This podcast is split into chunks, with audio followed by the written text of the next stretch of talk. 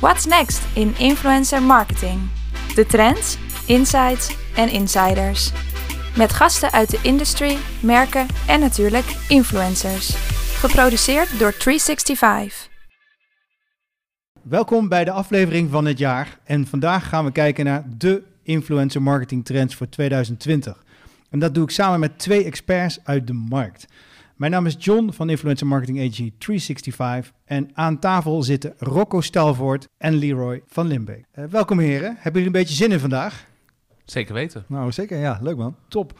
Um, glazen bol meegenomen? Ja, hij paste net nog in de tas, dus uh, we gaan kijken wat, er, uh, wat we erin kunnen zien vanavond. Nice. Nou, um, ik denk dat het even goed is voor de luisteraars om ook even wat achtergrondinformatie over jullie te horen. Wie trapt hem even af van jullie twee heren? Zal ik uh, starten? Ja. Uh, ja, Rocco dus uh, al heel lang in influencer marketing. Tien jaar geleden het eerste influencer marketing bureau van Nederland opgericht, First. Um, daar heb ik van de zomer afscheid genomen. en inmiddels um, ben ik als mediaregisseur, onafhankelijk mediaregisseur, merken aan het helpen met hun media-inrichting. Maar goed, mijn hart ligt nog steeds bij influencer marketing. En dat is natuurlijk een vast onderdeel van menig plan. Dus vandaar dat ik ook hier weer graag aanschrijf. Top, welkom. Dank je. Ik ben Leroy, uh, social media manager bij uh, Pathé. En hiervoor heb ik onder andere bij de NOS gewerkt. Daar heb ik uh, NOS Kort opgezet. Dat heet nu NOS Stories. Dat is in Nederland het grootste nieuwsaccount op, op Instagram.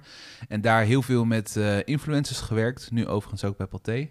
En nou ja, zodoende veel, veel kennis op mogen doen over, over deze interessante industrie. Ja, top dat je er bent ook, Leroy. Dankjewel. Um, ja, we hebben wat trends op een rij gezet. En uh, misschien moeten we even aftrappen met topic nummer 1, geloofwaardigheid. Een mooi onderwerp met een uh, aantal dimensies uh, eraan. De vraag is, geloven we er zelf nog een beetje in? als je de markt af en toe gelooft, dan, ja, dan zie je af en toe wel eens wat negatieve verhalen voorbij komen. Maar hoe kijken jullie daarnaar? Ja, ik vind het interessant hè, dat we het eigenlijk nu als trend benoemen of iets wat in 2020 gaat spelen. Terwijl het eigenlijk al vanaf het begin van influencer marketing natuurlijk het onderwerp is ja. uh, waar het over gaat, geloofwaardigheid. Mm -hmm. um, en ik denk eigenlijk dat dat ja, onverminderd uh, voortgaat, uh, voort gaat zijn. Um, um, ja, want het blijft, het blijft onder druk staan, maar het blijft ook de, de kracht van. Ja. ja. Ja, ik denk uh, dat uh, de hang naar, uh, nou ja, niet zozeer geloofwaardigheid, maar de hang naar authenticiteit steeds groter wordt. Ja, je ziet dat dat steeds meer influencers ook pushback krijgen op het moment dat ze te veel uh, gepolished plaatjes uh, hebben. Vinden jullie eigenlijk dat influencers veel meer moeten gaan werken aan eigen geloofwaardigheid? En, ik kijk dan ook heel even terug over dat naar dat motorongeluk, een tijdje geleden. een dame, Instagrammer, ongeluk gehad, was gevallen, maar de plaatjes zagen er wel even te gelikt uit met een mooi flesje ja. ernaast. ja. Weet of die nog kunnen, voor de geest kunnen halen. Denk ik, denk, ik denk dat dat wel een, een extreme uitzondering is. Mm -hmm. ik, ik heb wel het idee dat steeds meer influencers bewust zijn van dat ze echt moeten overkomen. Ja. Um, en dat zijn dan vooral de influencers die een stuk groter zijn, of de influencers die uh, misschien wat meer in een niche zitten. Um, mm -hmm. Maar nou ja, er zijn ook heel wat influencers die net komen kijken en die nou, die boot nog wel missen. Ja. Ik zie het heel veel gebeuren bij uh, mensen die in Temptation Island bijvoorbeeld hebben gezeten. Die ja. komen dan terug en het programma wordt uitgezonden en die gaan dan van 400 volgers naar 15.000 en dan mm. krijgen ze ineens allemaal uh, ja, schoonheidsbehandelingen aangeboden en, oh, en, ze kunnen hun tanden laten bleken. Oh, en uh, ik denk dat elke, nou ja, elk castlid wel minstens twee, drie samenwerkingen per week deelt ja, dat doet natuurlijk niet heel veel uh, goeds voor hun geloofwaardigheid. Ja, misschien zit het ook wel een beetje in de evolutie van een influencer. Hè? Van klein, waarin je zeg maar, verleid wordt door allerlei dingen en geloofwaardigheid nog niet zo op je radar staat. Mm -hmm. Naar uh, wat meer ervaren en wat groter, waarin je ja, merkt dat het belangrijk wordt. En als je niet, uh, niet meer geloofwaardigheid, niet meer geloofwaardig bent, dat je dan ook mensen afhaken. Ja. Ja. ja. Uh, denken jullie ook dat, um, dat er meer balans moet komen tussen commerciële samenwerking en zeg maar natuurlijke posts? Ja, uiteraard. En dat is voor iedereen zelf om dat in te vullen en te zien wat het voor, voor diegene werkt. Ja. Um, maar die zal er moeten zijn. Want als het alleen maar commercieel is, ja, dan gaan mensen ook afhaken. Ja, ja hey, en als we dan kijken naar de markt, en want ja, is die al een beetje volwassen? Het uh, steeds volwassen worden van influencers, het uh, geloofwaardiger worden, dat past natuurlijk een beetje bij. Maar ik heb even gekeken van waar staan we eigenlijk nu in de markt? En als je de Gartner Hype Cycle erbij pakt, dan zijn we eigenlijk een beetje de hype voorbij. Zijn we zelfs eigenlijk die, het dalletje wat je daarna krijgt voorbij. De, de, de Valley of Disillusionment. Ja. Ehm, en gaan we nu binnen twee jaar de volwassenheid in. Als in dat het echt een volwassen medium wordt. Zien jullie dat ook? Um, nou ja, zeker. En eigenlijk zie ik dat al een tijdje. Alleen ik denk dat het uh, vooral aan de merkzijde uh, nog, uh, nog even stoeien is... Mhm. om het daadwerkelijk die vaste plek in de marketingmix te geven. Ja. Um, maar volgens mij ja, zit je al echt al tegen die volwassenheid aan. Dat verschilt wel per branche, moet ik zeggen. Ja, het is ook steeds professioneler geregeld. Ja. En je ziet, maar je ziet ook heel veel influencers uh, dingen erbij doen. Ze weten ook wel dat het niet alleen maar meer gebouwd kan worden op basis van een aantal posts die ze op Instagram plaatsen. Heb je het dan over boeken? Of, uh... Maar bijvoorbeeld, um, ja, wat je van die boeken vindt, dat is weer een ander verhaal. Maar uh, ja, je ziet ze steeds jonger een autobiografie schrijven. En dan kun je wel afvragen, wat heb je nu meegemaakt om dit boek te kunnen schrijven? Of te laten schrijven, want dat gebeurt natuurlijk heel vaak. Maar ja, het is niet meer gefocust op alleen maar het plaatsen van mooie plaatjes. Zie je nog verschil tussen bedrijven in Nederland of bedrijven uit het buitenland, bijvoorbeeld US of uh, Aziatische bedrijven, in hoe zij het inzetten? Nou ja, ik, ik vind dat de Amerikaanse bedrijven of de, de grotere bedrijven, die zetten het steeds vaker authentieker in. Hm. Dus je ziet uh, dat de, bijvoorbeeld een, een campagne van Nike, dat die steeds geloofwaardiger zijn. En het gaat echt om het vertellen van verhalen en niet per se om het verkopen van een product. Ja. En daar worden influencers steeds vaker bij betrokken. En Nederlandse bedrijven proberen het ook wel. Ehm, bijvoorbeeld een Shell. Mhm. Maar ja, dat pakt niet altijd heel even goed uit. Uh, wat, ik, wat ik nog wel interessant hierin vind, is ook dat je dat zeg maar, bedrijven die net gestart zijn, mhm. dat het daar veel natuurlijker is dat ze zeg maar, influencers onderdeel van hun, uh, van hun marketingmix zijn dan net voor. Gestart, je bedoelt jongere bedrijven. Jongere bedrijven dan uh, bedrijven zeg maar, die al, al lange tijd meegaan, want het voor hun echt een verandering is. Terwijl voor nieuwe bedrijven is het gewoon eigenlijk is het al ja, the way to go. En, en dat betekent natuurlijk ook een wat volwassener mediamix. Waarbij er um, ja, een wat groter percentage van de media mix naar influencers zal gaan ook. Ja, want, uh, maar goed, volwassenheid zit natuurlijk wel meer dingen. Ik denk uh, ook uh, ja, hoe, hoe, hoe we ermee omgaan, regelgeving. Ik denk dat we daar zo meteen nog eventjes ja, aankomen. Absoluut. Um, en ook ja, hoe het niveau is, zeg maar, het kennisniveau is bij, bij marketeers. Ik denk dat iedereen nu wel weet hoe influencer marketing, wat het is. Mm -hmm. um, en dat, ze, ja, dat het geen, niet zoveel geheimen meer kent. Maar um, uh, het, het breidt ook nog steeds uit. Ik, ik, vind het interessant om te zien dat het niet meer alleen de modemerken zijn, maar dat het ook echt business to business wordt. Ja. En hele niche hoeken waar opeens ook influencers uh, voor, uh, voor ingezet ja. worden. Ja, super interessant. Je noemt even B2B, maar ja, eigenlijk praat je dan niet zozeer over influencers, maar thought leaders of key opinion leaders. Ja. Het gaat natuurlijk om dat mensen met een ja, meer dan gemiddelde uh, interesse of uh, expertise gevonden worden door het publiek op zoek naar informatie. Dat, dat, dat zien wij ook wel behoorlijk wat. Uh, ik geloof dat in Amerika is al zo'n 40%, nee, sorry, bijna, bijna 40% van de campagnes al gericht op zakelijke, zakelijke doelgroep. Ja, volgens mij gaat dat nu ook wel echt overwaaien naar Nederland.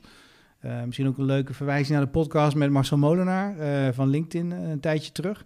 Maar je ziet dus ook echt dat die mensen gaan opstaan. En dat zijn eigenlijk vaak mensen die zich helemaal nog niet als uh, zien als influencer. Niet de klassieke maar, influencer nee, met nee. De, de, mooie uh, gepolijste uh, Instagram feed. Nee, nee, nee, nee die, die zitten meer op LinkedIn en op, op Twitter. Maar ja, als die, of, of, op een podcast zou natuurlijk ook kunnen. Maar je ziet natuurlijk wel dat die mensen, als zij ergens een, ja, een recommendation voor doen, dat dat ook eigenlijk dezelfde werking kent als in de B2C-kant. Ja, nog even terug naar de markt. Ja, hoe groot is überhaupt nu de markt? Hè? Uh, als we de Amerikaanse cijfers erop naslaan, zouden we volgens mij in 2020 naar de ergens tussen de 5 en de 10 miljard gaan. Ja, ik, uh, heb, uh, ik heb er ooit een uh, uitspraak over gedaan ja. dat het 100 miljoen, de Nederlandse markt 100 miljoen zou omvatten. Mm -hmm. um, het, het, is best wel lastig om zeg maar zo'n cijfer te, te, benoemen, te benoemen ja. omdat ja. je uh, weet je, wanneer, waar houdt het op en waar, wat tel je wel mee, wat tel je niet mee. Ja, maar goed, even los van het absolute getal, denk ik wel dat het uh, uh, nog steeds nou, elke twee jaar in Nederland aan het verdubbelen is. Ja. Wat, erin, wat erin omgaat. Hè. Dus de budgetten van de klant, maar ook de fees voor de influencers, de geld wat aan de bureaus wordt gegeven, wat aan netwerken wordt gegeven. Ja. alles wat er, wat er omheen gebeurt. Ja. En waar, waar, waar, denk je dat... Uh, heb je toen ook verdeling uh, gemaakt ongeveer van... wat, wat zijn dan onderdelen van nou, dat, uh, dat budget wat naar influencers gaat? Nou, niet zeg maar specifiek budget wat dan zeg maar influencer fees zijn... of wat dan agency fees zijn. Um, maar wel zeg maar die onderdelen daarin wat meegenomen. Wat naar die kant, dat kanaal ja. gaat eigenlijk. Ja, ja, ja oké. Okay. En, en wanneer was dat? Twee jaar geleden volgens mij. Hè? Twee jaar geleden, ja. En als je alleen ook al kijkt naar wat gaat er in advertising, hè? dus de advertising uh, in content die door influencers gemaakt is of via influencerkanalen zelf. Ja. Uh, het is heel moeilijk om daar een vinger op te krijgen, maar uh, ja, die budgetten zijn natuurlijk wel echt groeiende. Ik, ik, weet niet of jij er nog wat over kan ja. zeggen, Leo. Ja. Nou ja, ik zie het zelf ook bij Pathé. wij zijn daar um, eerder, eerder, dit jaar begonnen met een eigen influencerprogramma. Nou ja, je ziet wat, nou ja, wat wij daarin stoppen, dat levert het ook vele malen meer op. Dus ook bij, uh, nou, bij een bedrijf als Pathé groeien die budgetten flink. En, um, Hoe ziet dat eigen programma eruit als vraag hoor? Dat programma is, uh, dat noemen we het Friends of the Brand programma. Ja. Dus wij hebben een, uh, een groep van influencers geselecteerd. Het zijn 50 influencers. Mm -hmm. Variërend van iemand met 100.000 volgers tot iemand met anderhalf miljoen volgers. Ja. En die krijgen van ons een unlimited abonnement. En daarmee kunnen ze onbeperkt naar de bioscoop. Plus wat vouchers, zodat ze vrienden mee kunnen nemen. En in ruil daarvoor vragen we ze te delen in hun stories als ze bij Pathé zijn. En um, uh, dat uh, levert ons best wel wat op, vooral in, in, op het gebied van awareness. Mm -hmm. um, en ja, we zijn er echt wel tevreden over. En hoe lang lo loopt dat nu? Nou, dat loopt nu sinds 1 april. Okay. Um, dus we hebben nu dit jaar, ik denk zo'n 200 keer een story gedeeld gekregen vanuit een influencer. Mm -hmm. Nou ja, een influencer met 100.000 volgers, die post net iets wat vaker dan iemand bijvoorbeeld met een miljoen volgers. Ja. Uh, maar de waarde van zo'n post is natuurlijk ook veel groter als je zelf ook veel groter bent. Ja, interessant. Um, en we laten ze daarin ook wel echt heel erg vrij. Dus je mag zelf kiezen hoe vaak je dat deelt. Uh, het liefste zien wij natuurlijk dat je elke keer het deelt als je gaat. Mm -hmm. ja. Maar er is een influencer die heeft het al 32 keer gedaan. En er is eentje die heeft het twee keer gedaan. Dus er ja. zitten wel verschillen in. Ja, het is, maar alles bij elkaar um, is het toch best wel een flink aantal uh, posts wat, wat gemaakt is En wat, wat zijn de, sorry, wat zijn de succesmetrics? Waar, waar, waar, waarom uh, is het succes? Nou, het, het, succes is nu dat we, uh, we meten wat onze kosten zijn. Dus wat ja. geven wij uit aan die, aan die abonnementen? Welke, welke waarde staat er tegenover? Versus wat zouden wij hebben moeten betalen aan die influencers ja. als wij hun die post hadden laten plaatsen? Ja. Nou ja, dan, dan gaat het over 400% ROI wat, wat eruit komt. Ja. Um, dus dat, uh, dat is best wel flink. Ja. ja. En, en is dat iets wat ook zelf groeit? Of uh, heb je nou, we, we, zijn begonnen met een groep van 20 influencers. En dat hebben we gedurende dit jaar uh, uitgebreid naar 50. Mooi. Um, en we gaan in maart gaan we dat evalueren. En dan gaan we kijken welke influencers in dat programma blijven en waarmee we stoppen. En er zijn ook influencers die nooit iets plaatsen en die misschien wel gaan nou ja, dan uh, houdt die samenwerking op een gegeven moment op. Ja. Je hebt iemand dat vertrouwen gegeven en als je dat niet terugkrijgt in enthousiasme of in post, dan, uh, dan, ja, dan houdt het op. Uh, maar er zijn ook zeker influencers die heel enthousiast zijn en die heel veel posten. en die posten meer dan eigenlijk de waarde die we ze geven. Nou, dat vinden we alleen maar mooi om te zien, want dan ben je echt ambassadeur van het merk. Ja, ja. dat klinkt als een goede match dan. Ja. ja. ja. Mooi. Ja, dank je voor het voorbeeld. Um, ja, iets wat ook bij volwassen worden van de markt hoort, is natuurlijk regelgeving. En daar hangen een aantal dingen aan vast. Uh, misschien even goed om te beginnen met uh, de regels vanuit de Nederlandse overheid. Uh, ja, uh, dat, dat betekent dat er volledige transparantie is over samenwerkingen.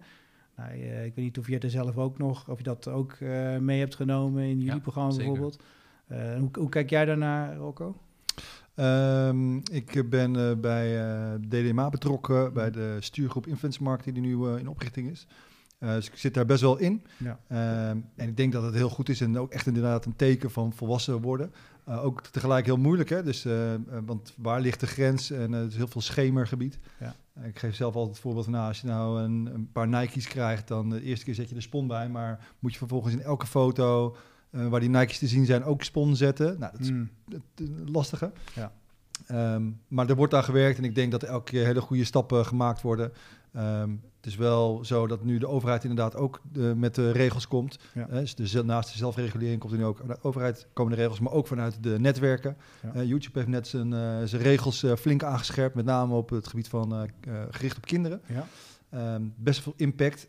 ik denk dat 2020 uh, ja, Misschien goed om even uit te leggen oh, wat, dat, uh, wat dat is. Uh, die regels voor... Ja, voor per januari in, hè? per januari. En ja, dus dat gaat erover dat influencers die, ehm, die hun, hun, content richten op kinderen. Ja. En dat is dan met name 13 min. Ehm, dat die dat, dat, dat moeten aangeven. en zodra ze dat aangeven, dan uh, weet YouTube dat het dus uh, specifieke kindercontent is en dan verandert uh, het beleid rondom die video. Dus er mogen geen comments meer geplaatst worden, er, mogen, er worden andere of geen advertenties meer ge getoond. Ja. wat nogal wat impact heeft voor de influencer. Ja, want zeker. die daardoor een hele andere manier van, van communiceren met zijn achterban gaat krijgen. Ja. Dus wat, wat, wat, zien jullie daar? Zien jullie al ehm, influencers die zich ook richten op kinderen die daar nu van afstappen? Eh, nou ja, ik zie ze nog niet heel erg veel voorbij komen. Je merkt wel dat er veel onrust is over deze nieuwe regels. Mm influencers die er ook echt over spreken, video's over maken... en die niet zo goed weten wat ze ermee aan moeten. Ja. Gewoon meer schelden of zoiets, las ik ergens. Ja, ja, ja, ja. Nee, dat gaat hem dus niet worden waarschijnlijk. um, Dus het is, het is heel erg lastig. En, en het is ook niet zo dat elke video wel of niet voor kinderen geschikt is. Er zit ook nog wel echt wel variatie in. Mm dus ja, ik denk dat ja, vooral de grote influencers die vooral kinderen willen bereiken, toch heel goed moeten nagaan denken over hoe ze hun kanaal neerzetten en of ze de strategie daarvan misschien moeten gaan aanpassen. Ja, en uh, ook, er wordt ook gesproken over het switchen van netwerken. Dus uh, YouTube legt deze regel nu op. misschien is het dan tijd om te switchen naar een TikTok of naar een. een Instagram of iets anders. Ja. Ik, ben, ik ben heel benieuwd. Voor, voor mijn gevoel gaan er in ieder geval een aantal gewoon lekker door. En zal er gewoon een soort van schaarste komen in de markt waardoor de prijzen omhoog gaan. Want ik, ja, met zo'n beleid zal, zullen er weinig nieuwe toetreders uh, komen. Ja. Dus dat moet je dan als merk ermee, denk ik dan ook weer. Uh, ja, kijk, uiteindelijk is het natuurlijk goed, hè? want die kinderen die worden beschermd, uh, die worden beschermd. Dus dat, uh, dat, ik denk dat dat een hele goede ontwikkeling is. Ja. en ja, ik denk dat het nu een beetje in een fase zit waarin de, regels, de regels komen die misschien te streng zijn. Of en die worden langzaam maar zeker worden die gevormd naar hoe de markt daarmee omgaat. Eigenlijk zijn we hier ook gewoon heel laat mee met deze regels. Want hè, deze markt is al heel lang heel erg groot. En nu komen we pas met regels om nou ja, ervoor te zorgen dat het allemaal veilig gebeurt. Ja. Er zijn toch de afgelopen jaren best wel wat eh, schandalen geweest, uh, op, op YouTube ook. Mhm. nou ja, het is goed dat ze nu wel actie ondernemen. Maar ja, het heeft wel gevolgen voor de mensen die daar content maken en waarvoor het hun werk is ook. Ja, maar ik ben van overtuigd dat alle influencers creatief genoeg zijn om ook hier weer een manier voor te vinden om met hun achterban te communiceren en voor zichzelf ook nog een verdienmodel erin te krijgen. Ja, absoluut. Ja, we, we noemen het net al eventjes. TikTok, dat is toch uh, een van de snelst groeiende eh, netwerken wereldwijd.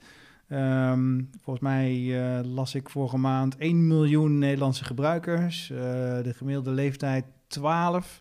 Van 8, uh, een beetje omhoog gaande van 8 tot 16 max een beetje. Maar de piek op 12 jaar. Ja, wat, zie, wat zien jullie daar? Zien jullie daar echt al um, echt dingen gebeuren? Zetten jullie er bijvoorbeeld al op in bij PT? Nou, we hebben voor het komende jaar wel echt plan om daar iets mee te gaan doen. En we merken dat we met onze huidige kanalen, Facebook en Instagram, vooral op 25 plus zitten qua mm -hmm. bereik. En dat dus TikTok wel echt een kans geeft om, uh, ja. om een jong publiek te bereiken. Maar ook dat is denk ik wel van korte duur. Je ziet dat uh, wereldwijd ligt het bereik van TikTok veel hoger. Of het, leeftijd van de gebruikers is hoger. Dat mm -hmm. zit toch wel tussen de 16 en de 24. En Nederland is het toch nog een beetje een oude musical generatie die, ja. uh, die het gebruikt. Maar je ziet ook dat daarin de mensen steeds ouder worden. Dus de gebruikers zijn steeds ouder. En uh, ja, ja, dat is wel heel erg uh, interessant om terug te zien, moet ik zeggen. Ja, nou, ik, ik ben wel heel benieuwd hoe dat uh, zich gaat ontwikkelen met een influencerbeleid. Ik kreeg laatst al terug van, van een influencer daar die gewoon eigenlijk geen content meer wilde maken, omdat hij had doorgekregen bij commerciële uitingen, dan draai je weer op zwart. dus het is nog wel even de vraag of je naast de advertising daar hoe je daar ook uh, met uh, creators uh, kan gaan werken. Nou ja, het is daar toch wel wat lastiger. Je hoort toch wel, ik denk ook wel veel horrorverhalen, omdat het een Chinees bedrijf is. Mm. En mensen worden daar toch wel in beperkt in wat ze kunnen zeggen en wat ze kunnen delen. En ja. volgens mij hebben we onlangs een situatie gehad waarbij iemand wat zei over de situatie in China en over de ja, demonstraties die er zijn. Uh, daar kwam TikTok echt wel op terug. Van, nou, dat hadden we niet moeten weghalen. En, dus ja, het is wel een, uh, een situatie waar uh, alle ogen op zijn gericht. Mm. vooral nu TikTok zo, zo hard aan het groeien is. Ja, ja. En voor, voor mij, ik, ik zit, we zitten zelf niet helemaal in TikTok, maar wat ik wel zie is dat, het, dat er heel veel over gesproken wordt. Ja. dat ehm, mensen het interessant vinden van oké, uh, wat gebeurt daar? Het format überhaupt. Het format, het is weer net even anders. En uh, je ziet ook dat nu dat Instagram aan het kijken is van... hey, kunnen, we de, kunnen we de features die zij hebben weer kopiëren naar ons platform? Dat is eigenlijk een heel groot uh, compliment voor TikTok. Ja, absoluut. Het is wel iets wat Instagram natuurlijk een beetje... goed in zijn. ja. Waar ze heel goed in zijn, ja. ja dus, dus ik zie vooral dat er veel, veel over gesproken wordt. En ik denk ook dat dat, dat, dat ja, volgend jaar gaat gebeuren... Uh, het blijft natuurlijk een interessant medium voor die hele jonge generatie, waar eigenlijk iedereen weer op aan wil haken. Ja? Ik vind, ik vind het echt een, uh, een fascinerende app. Ja. Ik heb voor mezelf altijd wel de regel gesteld op het moment dat ik iets vanuit mijn werk met een, een app ga doen, dus met een Instagram of een Facebook of in dit geval een TikTok, dan moet ik ook zelf volledig snappen hoe die app werkt en hoe het mhm. in elkaar zit. Dus mijn vrouw wordt gek van mij uh, de laatste weken, want elke avond scroll ik door TikTok en het is heel erg verslavend. En de app maakt het heel erg makkelijk om heel veel content te consumeren. En ja, wat je daar tegenkomt, begint steeds interessanter te worden. En ik zie, heel bijzonder. Ik zie eigenlijk heel weinig content van 12, 13-jarigen, die je dus vooral in Nederland zou hebben. Maar ook gewoon mensen van 60, 70. Uh, dat is een hele trend nu gaande. Dat als je 30 jaar en ouder bent, dan hoor je niet op TikTok thuis. Maar er wordt wel een beetje de spot mee gedreven. Mm. Ja, het is, het is uh, een, een platform dat wat heel eerlijk is en heel oprecht is. Eh, het, het, is veel minder gemaakt dan, uh, dan op Instagram. Het gaat meer over je creativiteit ja.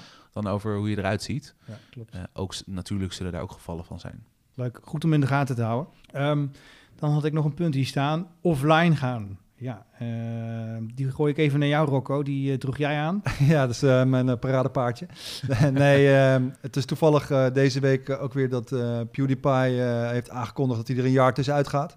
Voor mij is dat de grootste YouTuber momenteel. Ja, ja, ja, ja precies. En uh, die, uh, die zegt, joh, het wordt allemaal even te veel, ik ga er een jaar tussenuit. Nou, zo zijn er in Nederland ook een aantal uh, van. En ehm, ik zie eigenlijk dat dat steeds meer gebeurt, dat mensen ook een soort realisme komen van, hey, ik kan niet drie keer per dag iets posten en alleen maar online zijn. Ik moet ook gewoon even offline zijn. Dus dat geldt zeg maar, voor die influencers. En daarnaast ja, zie je steeds meer dat offline ervaringen. Mhm. Eh, dus uh, influencers ergens heen halen events. En, en events en daar uh, iets doen. Nou, bijvoorbeeld naar de bioscoop, dat je dat wel veel meer, veel meer impact maakt dan dat je het op je schermpje ziet. Ja. Ik, ik, ik, kan me voorstellen dat het in ieder geval de, een achterliggende gedachte ook bij, bij Pathé is om het op die manier aan te pakken. Jazeker, jazeker. Nou ja, wat wij doen, is, bij Pathé organiseren we elke maand een event waarbij we eigenlijk van online naar offline gaan. Ehm, dat, dat, stamt een beetje uit mijn tijd bij de NOS. Mhm. Toen we daar net begonnen, toen hadden we nog niet zo heel veel volgers en we hadden geen geld om uh, ads in te kopen. Dus toen dachten we, hoe kunnen we nou groter worden? Toen hebben we wat influencers uitgenodigd en die kwamen dan bij ons langs en die waren dan nieuwslezer van de dag. Nou ja, dat zorgde ervoor dat ze gingen posten dat ze bij de NOS waren. Mensen gingen ons volgen en we hoefden daar geen geld aan uit te geven. En eigenlijk ben ik gaan kijken hoe kunnen we dat principe nou doortrekken naar Pathé. Nou ja, en dat is eigenlijk dus met een event gelukt. Eh, we, we hebben de Pathé Meet and Seat elke maand. En we laten dan een influencer een meet and greet bij ons uh, organiseren. Tenminste, wij organiseren het event. Mhm. En een influencer gaat dan met uh, ja, volgers, wat vrienden en familieleden naar de film. En die, ja, die fans die kunnen dan na de film met de influencer op de foto. Ja. Het is echt een offline event, wat wel weer heel veel online content oplevert. Ja. Uh, want uh, nou, zo'n zaal zit ongeveer 120 fans. Al die 120 fans gaan in de rij staan om op de foto te gaan. Op elke foto staat een logo van Pathé sowieso, omdat ze voor een perswand staan. Ja. En die foto's worden overal gedeeld, dus het levert ontzettend veel bereik op. Ja. Dus uh, ja, als je zo'n event offline kan halen, maar ook nog een online voordeel uit kan ja, halen, dan is dat echt wel voordelig. Ja. Ja. er zit vaak toch dat die component toch een beetje de celebrity component in. Van leuk om iemand in het echt uh, te ontmoeten sowieso. Um, maar het zijn natuurlijk ook mensen die vaak iets bijzonders weten, kunnen. Of het nou gaat om koken of ja, you name it, vissen. Uh, dat is natuurlijk wel, ja, je kunt er ook nog wat van opsteken. Dus uh, in die zin heel interessant ook. Um, ja, en dan komen we op een, een, een vrij grote trend de virtuele influencers. Uh, wel vaker genoemd ook in deze podcast natuurlijk, maar als je de top 5 trends van trendwatching erop naslaat, uh, dan zijn uh, brand avatars een van de grootste trends voor 2020. Ehm, ja, de meeste hebben denk ik wel gehoord van Little Michaela, de grootste op dit gebied met 1,8 miljoen volgers op Instagram, die ook samenwerking heeft met een heleboel merken. Maar goed, er zijn nog een heleboel andere aan het opkomen. Volgens mij waren het alle drie over eens dat dit een van de grotere gaat worden volgend jaar. Maar wat gaan we daarvan zien in Nederland? Ja, ik vind het vooral ook een hele spannende trend. Hè? Het is iets wat nou, echt in een korte tijd uh, echt naar boven is gekomen, waar heel veel gebeurt op dit moment. Ja. in Nederland hebben we er eentje gehad. Raven. ja, de, Real Raven in april volgens mij. Mhm. Dat is inmiddels een beetje doodgebloed. was een mooi experiment. Ja. Ehm, maar voor 2020 komen, er, komen, er een, komen er een aantal aan. zowel vanuit een merk opgezet mhm. als gewoon als onafhankelijke influencer opgezet. Waar, met de bedoeling om daar merkrelaties mee aan te gaan. Ik ben heel benieuwd wat dat gaat opleveren, hoe nuchter Nederland er is of hoe open ze daarvoor staan. Ja, ja echt, echt een leuk iets om in de gaten te houden. In ieder geval om ons heen, alle landen om ons heen zie, je, zie je zo uit de grond poppen. Nou, heel veel. Mm -hmm. dus ik ben het is echt wel een grote innovatie op het gebied van, van influencer marketing. Ja. Of van influencers überhaupt. Mm -hmm. Ja. Ja, ik vind het gewoon interessant omdat het, uh, zeg maar, uh, als je voor het eerst hoort, oké, okay, een virtuele influencer, dus door mensen bedacht, dan denk je van, nou, hoe kan dat, weet je wel? Maar als je er iets langer over nadenkt, denk je oké, okay, ja, een influencer post ook niet meer uh, alles zelf, eigen teksten, foto's die bewerkt zijn, niet meer real-time. Dus de grens tussen echt en niet echt mm bij influencers die vervaagt. En sowieso, hè, ik bedoel, virtuele, virtual reality, de, de virtuele wereld die steeds meer uh, in opkomst in ons, in ons leven. Ja. Uh, dus het is helemaal niet zo gek uh, dat het daar gebeurt. Alleen we moeten er wel even aan wennen. Ja, ja. ja dat kan, is super. Sorry. Nou ja, ik, ik, ik dacht het kan commercieel ook heel interessant zijn natuurlijk. Mm -hmm. We hadden het er eerder over dat Barbie daar uh, mee begonnen is. Maar stel dat je inderdaad uit een, uh, een Frozen uh, film die heel populair is, een karakter opeens een eigen Instagram-account laat, laat openen. En dat je daar de avonturen van Elsa of Olaf kan volgen. Ja, ja dan, dan heb je denk ik echt wel een hele goede strategie die je kunt neerzetten. En misschien kan het ook echt wel een marketingstrategie gaan zijn voor nou ja, merken als een Disney of uh, die uh, uh, KFC, die hebben die Colonel Sanders. Mm -hmm. Ja. En dat is een, een icoon, zit ook in hun logo. En die hebben ze ook al een beetje met een, met een knipoog hebben ze daar een influencer van gemaakt. Dus nu... mij hebben ze hem gekruist met, hoe heet die, Chris Hemsworth van de Thor... Ja, precies. Nou, ze hebben daar echt een mooi figuur van gemaakt. En uh, die dus die, hun Instagram uh, vol. Uh, nou, daar staat hun Instagram vol mee. Ja. En ook leuk, want die doet dus ook commerciële samenwerking. Exact. Ja. Hè? Dus die doet commerciële samenwerkingen met, met een cola-merk, wat ook weer in hun, in hun winkel, of, winkel geserveerd wordt. Ja. Wat, ja, een hele leuke manier zeg maar, om te doen. En, en volledig CGI. Ja kan me wel voorstellen dat het ontzettend veel tijd kost om zo'n eh, account te maken en bij te houden. Want al die content moet gemaakt worden. En geen, enkel, uh, geen, geen, geen enkele afbeelding is natuurlijk hetzelfde. Ik denk ook dat je heel hard nat kan gaan als je, als je er niet goed over nadenkt van tevoren. Uh, even los van hoe het eruit ziet. Uh, de meest succesvolle, uh, zoals Little Michaela, maar ook spin-offs die uit eigenlijk haar vriend, virtuele vriendengroep voortkomen. Er zitten allemaal storylines achter met uh, dingen die ze meemaken. Ze tonen gevoelens, hè, voor zover dat mogelijk is. Ze zijn ergens trots op. Dat schijnt dus weer heel goed uh, uh, te werken voor de geloofwaardigheid. Um, maar ja, het is toch als je daar niet voldoende tijd in steekt en dus niet de storyline helemaal uitwerkt, eigenlijk is het gewoon een, script schrijven eigenlijk. Ja, het zijn gewoon, het zijn eigenlijk, het is eigenlijk gewoon een film. Ja. Uh, dus je ziet ook dat mensen uit de filmwereld en uit de gamewereld zeg maar uh, bij elkaar komen om, om dit soort dingen te ontwikkelen, zowel technisch gezien als uh, qua storyline. Ja. want je hebt inderdaad een goed verhaal nodig bij die The Real Raven. daar hadden ze wel even wat van gemaakt, maar niet verder uitgedacht om daar nee. een jarenlang iets van te maken. Ja, ja. ik ben ik ben ook wel benieuwd, uh, wat, ja, want hier, hier zitten zoveel deuren uh, die open kunnen gaan. Uh, influencers die zelf een virtuele versie van zichzelf kunnen, kunnen starten. Um, ja, je noemt net volgens mij virtual reality. Nou ja, op het moment dat je een VR-bril hebt, dan kan die entiteit daar ook op duiken natuurlijk.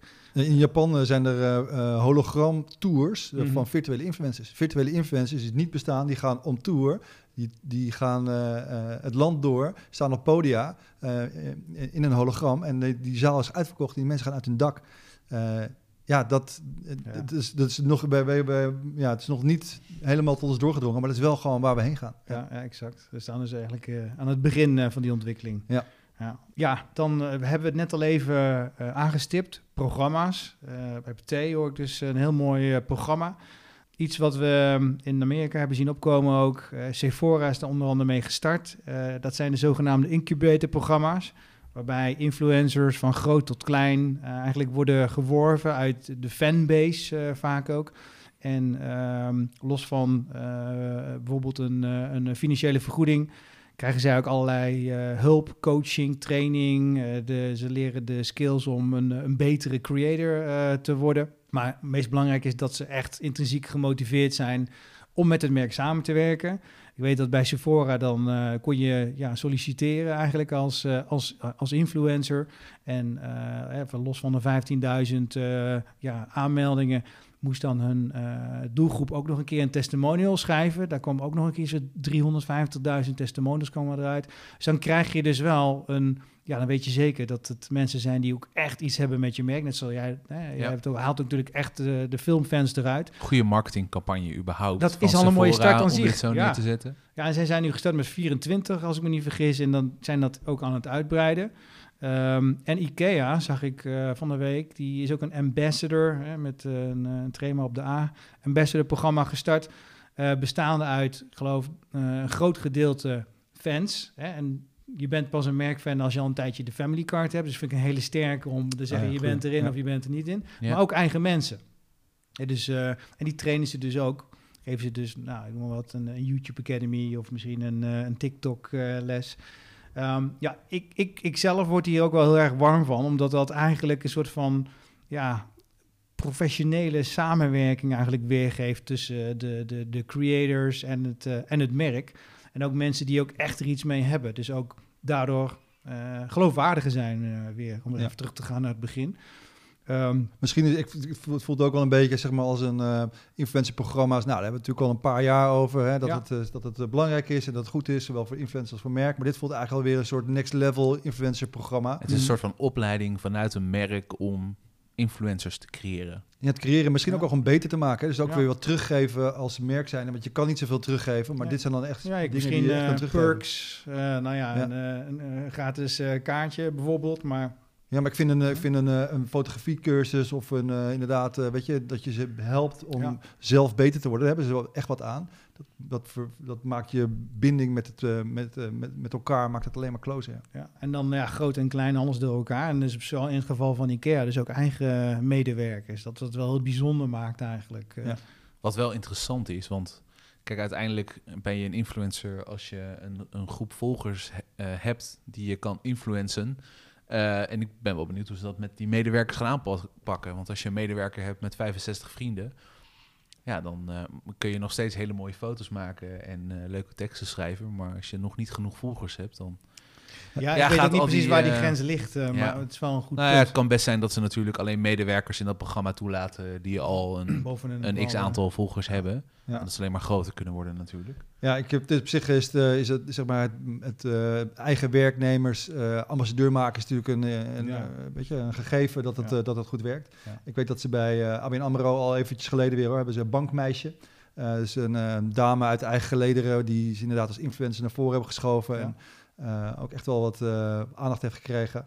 Um, maar dat blijft daar wel van, ja, oké, zijn die 10.000 uh, volgers, zijn dat nou mensen van de ABN AMRO zelf? Hè? Influ influentie ja. dan je eigen ja. onderneming? Ja. of ben je dat naar buiten toe aan het doen? Nou we... Ook in de B2B ga je dit heel veel zien. Hè? Dan heb je natuurlijk vaak al mensen die op beurzen staan... of die eigenlijk al de kennis vanuit de organisatie naar buiten brengen. En ik denk dat dat een beetje de uh, skill is misschien wel, of criteria waar je naar moet kijken om iemand dan mee te nemen. Ik, ik moet meteen denken aan Macy's ook.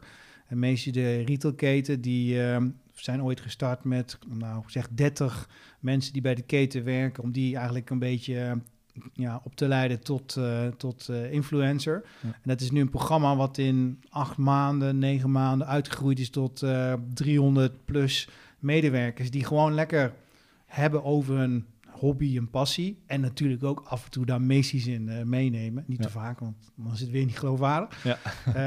Uh, en ja, en daar wordt dus echt best wel ook nu ook de vraag uh, gesteld op managementniveau. Ja, moeten we nog wel werken met externe influencers? Nou goed, dat is weer een heel andere dimensie van hoe ga je daarmee om.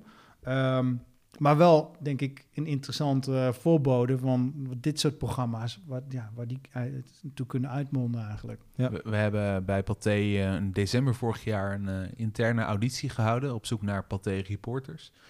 Medewerkers die voor ons op pad konden naar premières om daar verslag te doen via de stories op Instagram. Mm -hmm. maar ook om voor een camera interviews af te nemen bij een persdag bijvoorbeeld. Ja. Nou ja, uiteindelijk zijn er drie medewerkers uitgekomen die we getraind hebben. Dus door een journalist van de NOS hebben zij een, een interviewtraining gehad. Door een influencer hebben zij een training gehad hoe ze de beste stories konden maken. Nou, uiteindelijk is daar nu één influencer, nou ja, paté-influencer van overgebleven. Ja. En zij uh, is nu ons, een van onze vaste gezichten om, uh, om content te maken bij, uh, bij Premieres. Ja, en zij had zelf ook al een basis volgers, iets van 6.000, 7.000 hm. volgers. Nou ja, en dat is voor ons ook wel heel interessant om op die manier een eigen gezicht te creëren. Los van dat je de gezichten inzet die, je, nou ja, die al groter zijn. Ik vind het wel logisch, want als er iemand is die autoriteit heeft en weet waar hij over praat, eh, als het gaat om films, uh, noem maar even iets, ja, dan is het wel iemand uit eigen organisatie. Ja. ja. Ja, ik denk dat het alleen maar een gezonde mix is. Nou ja, Het, is, het is denk ik authentiek en dat past ook wel weer heel erg bij nee, de trends die we dit jaar al hebben zien gebeuren, maar wat ook zeker volgend jaar wel gaat, uh, gaat doortrekken. Ja, ik kan me goed voorstellen dat het uiteindelijk een, inderdaad een mooie mix wordt. Hè? Dus dat je inderdaad eigen influencers uit eigen organisatie, micro-influencers, grote influencers, virtuele influencers, virtuele influencers allemaal uh, om uh, zeg maar ook weer voor hun eigen doelen ehm, in kan zetten in je, in je influencer mix. Ja, ja. eens. Oké, nou dan nog eventjes ehm, de vraag: wat gaan we eigenlijk niet meer zien uh, in 2020? Of wat denken we in ieder geval minder te gaan zien? Ja, dus uh, de likes. Hè? Ja. ja, nou die gaan we zeker missen. Ja. ja. het is denk ik wel even afwachten wanneer het precies het moment is dat Instagram ermee gaat stoppen. Maar ehm, uh, in Nederland, maar... Uh, het is bij sommige accounts al... ja, in Nieuw-Zeeland, volgens mij Australië ja. is, het al, is het al... In Nederland ook, ja. Maar een aantal niet, accounts. massaal doorgevoerd. Maar het is wel zeker dat dit het komende jaar verdwijnt. Ja, ja. ja en dat gaat wel flink wat veranderen. Ik denk ook bij gebruikers, hè, die gaan heel anders moeten handelen op content. Je ziet mm -hmm. nu dat heel veel mensen aanslaan op een post die heel veel, of heel veel likes heeft. Ja, dat doe ik zelf eigenlijk ook wel. Ja nou ja, dat, dat kan straks niet meer. Je ziet mhm. straks niet meer hoe populair een post is. Dus dan moet je opeens naar content gaan kijken en hoe kwalitatief goed iets is. Ja. En nu geef je sneller iets een like als het veel likes al heeft. Ja, dat zal straks heel anders gaan zijn. En dat is ja. voor het publiek heel anders. Ik denk dat je daar echt wel even moet gaan schakelen. Maar ook voor zijn influencer wordt het ook... Ja, je moet toch misschien een andere tactiek aanhouden... als je mhm. daar een strategie voor hebt. Ja. Maar ook voor merken. Uh, je moet denk ik meer met data gaan doen dan de data die je normaal gesproken kunt zien. Hè? Dus de, het aantal likes of het aantal reacties dat een post heeft. Dus je zult nog vaker data moeten gaan opvragen bij, bij influencers die, uh, ja, die je zelf niet hebt. Om te kunnen bepalen of een post succesvol is of niet. Ja, en ook uh, andere, andere metrics ja. gaan gebruiken. Hè? Ik bedoel, ja. Het is een, echt een mooi moment om ook te kijken van... Hey, zijn er andere manieren om te kijken hoe ik succesvol ben? Uh, dan uh, alleen maar die, uh, die like. Ja. ja. ja. Nou, ik, ik, denk dat het een hele goede ontwikkeling is. De podcastaflevering met Memo 2. Een onderzoek bleek dat er eigenlijk geen correlatie is tussen engagement, de vanity metrics, likes, comments en invloed. Ehm, dus niet meer sales, niet meer branding. ja, engagement is natuurlijk leuk als je dat hebt op, als, je, als je het doet om hoog te komen in het, uh, in het algoritme. Ja, maar uiteindelijk geen invloed op uh, branding en sales. Het is sowieso een metric waar je niet op moet blind staren, dus blijkbaar. Um, en dus eigenlijk een hele gezonde push om inderdaad te kijken van wat is nou het effect geweest op mijn merk om met deze influencer te werken. Of wat is nou het effect geweest op de sales. Ik en, denk ook dat, dat heel veel content anders gaat zijn. Hey, nu heb je nog heel vaak gemaakte content, ja. waarbij heel erg veel geposeerd wordt. Ja, ik denk dat dat wel gaat veranderen. Ik zag afgelopen week een documentaire op Videoland. Dat, uh, dat heet volgens mij I Am Influencer of Ik Ben oh, Influencer. En daarin wordt onder andere Jultje Tieleman gevolgd. En die vertelt daar ook over dat eigenlijk heel erg gemaakt is. Uh, zij vindt het heel erg leuk om te poseren en om eigenlijk als model ergens uh, te staan. Maar het is allemaal heel erg nep. Het lijkt alsof een foto heel spontaan is gemaakt, maar dat is het verre van natuurlijk. Ik denk dat dat wel iets is wat, wat komend jaar daardoor gaat veranderen. dat die content echter moet zijn. Behalve als je wat meer model bent. Maar als je daar ver van af staat, ja. verder vanaf lijkt te staan, ja, dan moet je content toch wel anders gaan zijn. Ik denk dat ook wel veel influencers daardoor uh, veel bereik gaan kwijtraken en we gaan verliezen.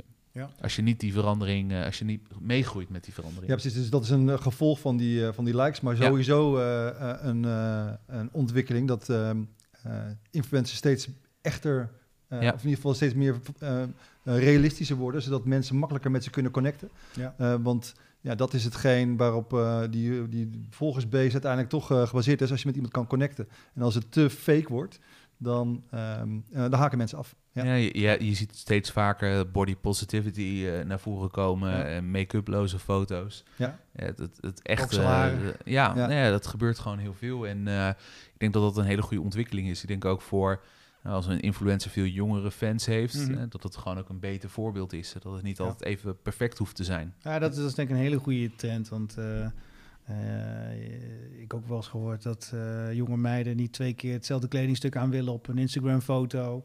Uh, dan denk je ook van, nou, hoe ver uh, kun je erin gaan, zeg maar. En als er niet te veel likes opkomen in de eerste paar minuten, de foto bijvoorbeeld maar weer eraf halen. Dus dat zijn... Nou, het draagt bij aan onzekerheid ook. Ja. ik heb het ook wel eens gedaan, moet ik zeggen. Hoor. Als ik dacht een leuke post te plaatsen of een leuke tweet op Twitter of zo. Ja. En na een uur of een half uur denk je, nou, niemand die het like, niemand die het retweet. Dan, dan, ik heb het wel eens weggehaald. Ja, ik denk dat dat uh, ja, een stukje onzekerheid is.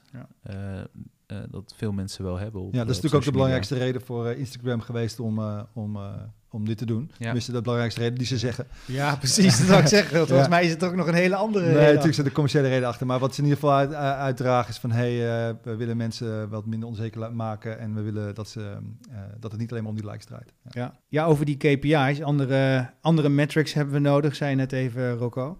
Uh, wat houdt dat dan in volgens jou? Uh, dat we dat uh, meer gaan dieplinken naar shops als het gaat om e-commerce of sales? nou, die mogelijkheden worden natuurlijk wel steeds uitgebreider. Hè? Steeds makkelijker om, om direct sales uit je, uit je Instagram posten te halen. Ja. Ik denk niet dat dat het enige is. Ik denk dat je ook inderdaad kijkt naar wat doet het weet je, voor mijn voor de perceptie van mijn merk. Ja, merkvoorkeur, merken. Ja, het is iets, iets, ingewikkelder om te meten, maar minstens zo belangrijk. Ja. Dus ik denk dat er gewoon uh, dat er andere manieren, uh, andere manieren gaan komen. Ja, niet eentje, maar gewoon een, uh, een, palet aan dingen die, die je ook per campagne weer kan, kan aanpassen. Ja. En dingen zoals zo'n merkvoorkeur, je ziet steeds vaker, tenminste wij hebben dat meegemaakt, dat Facebook dat zelf ook voor je kan meten. Dus we hebben... En YouTube doet het natuurlijk ook, hè? Zeker. Ja, vanuit uh, Facebook hebben we een accountmanager toegewezen gekregen. Nou, en dan kunnen zij gewoon op basis van een aantal vragen nou, dat, die merkvoorkeur meten. Kijken of dat kwalitatief goed is of dat je het een, een sluitend verhaal van kan maken. Dan is het een ander verhaal. Maar ja, die middelen zijn er wel. En um, ik denk dat die er ook wel meer gaan komen nog. Ja, nou sterker nog, die, komen. ja, die moeten er komen. Want ja. uh, uiteindelijk uh, uh, moeten de budgetten die er aan het groeien zijn, moeten verantwoord worden. Ja. Um, en dat kan niet alleen maar door mooie plaatjes en veel likes. Het, nee. zal, het zal meer moeten zijn dan dat. Ja, ja eens, eens. Alright, nou, um, misschien nog een afrondende vraag. Um, mochten wij de, de, de merken die luisteren willen adviseren, of misschien uh, de tip voor 2020 geven, wat zouden ze dan uh, willen meegeven? Ik denk dat het voor elk merk belangrijk is om een visie te hebben voor op de langere termijn en minder um, uh, one-offs te willen inzetten, te moeten willen inzetten. Ja. Dus uh, als je met een influencer wil samenwerken, zoek dan echt een influencer die past bij je merk mm -hmm. en met wie je voor een langere termijn een samenwerking kunt opzetten.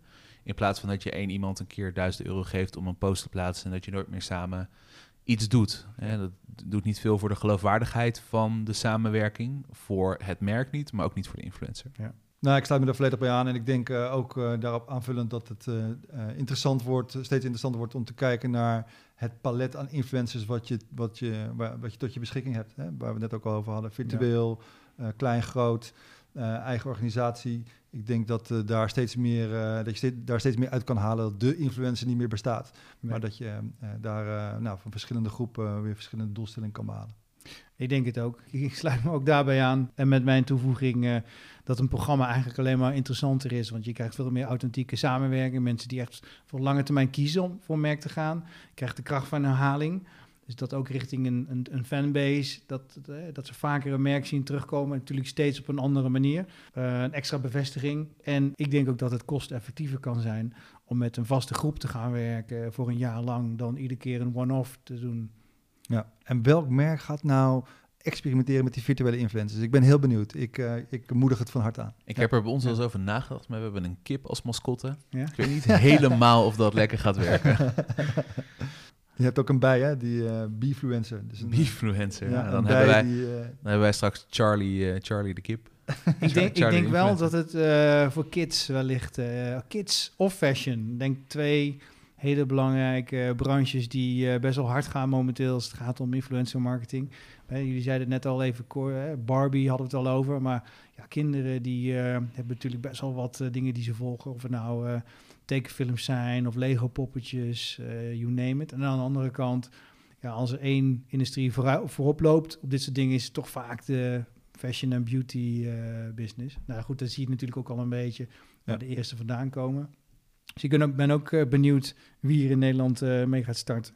Ik denk dat we vaak zien dat marketing eh, merken vaak achterop lopen als het aankomt op dit soort trends. Maar het zal me niks verbazen als we eerder een goede marketingcampagne zien met zo'n virtuele influencer dan dat we nou, dat vanuit een individu gebeurt of vanuit een, een klein groepje mensen. Ja.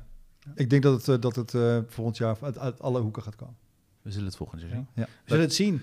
Uh, bedankt uh, voor jullie tijd en jullie input en visie. Ik vond het superleuk om te doen. En laten we kijken volgend jaar uh, wat hiervan is blijven staan. ja. ja. leuk man. Dankjewel voor de uitnodiging. Ja. Thanks heren.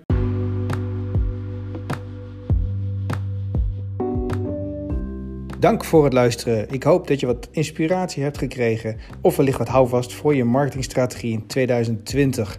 En mocht je nou denken, over die ene trend wil ik toch iets meer weten, stuur me dan een mail naar john@365.co en dan stuur ik je graag wat achtergrondinformatie bij deze trend.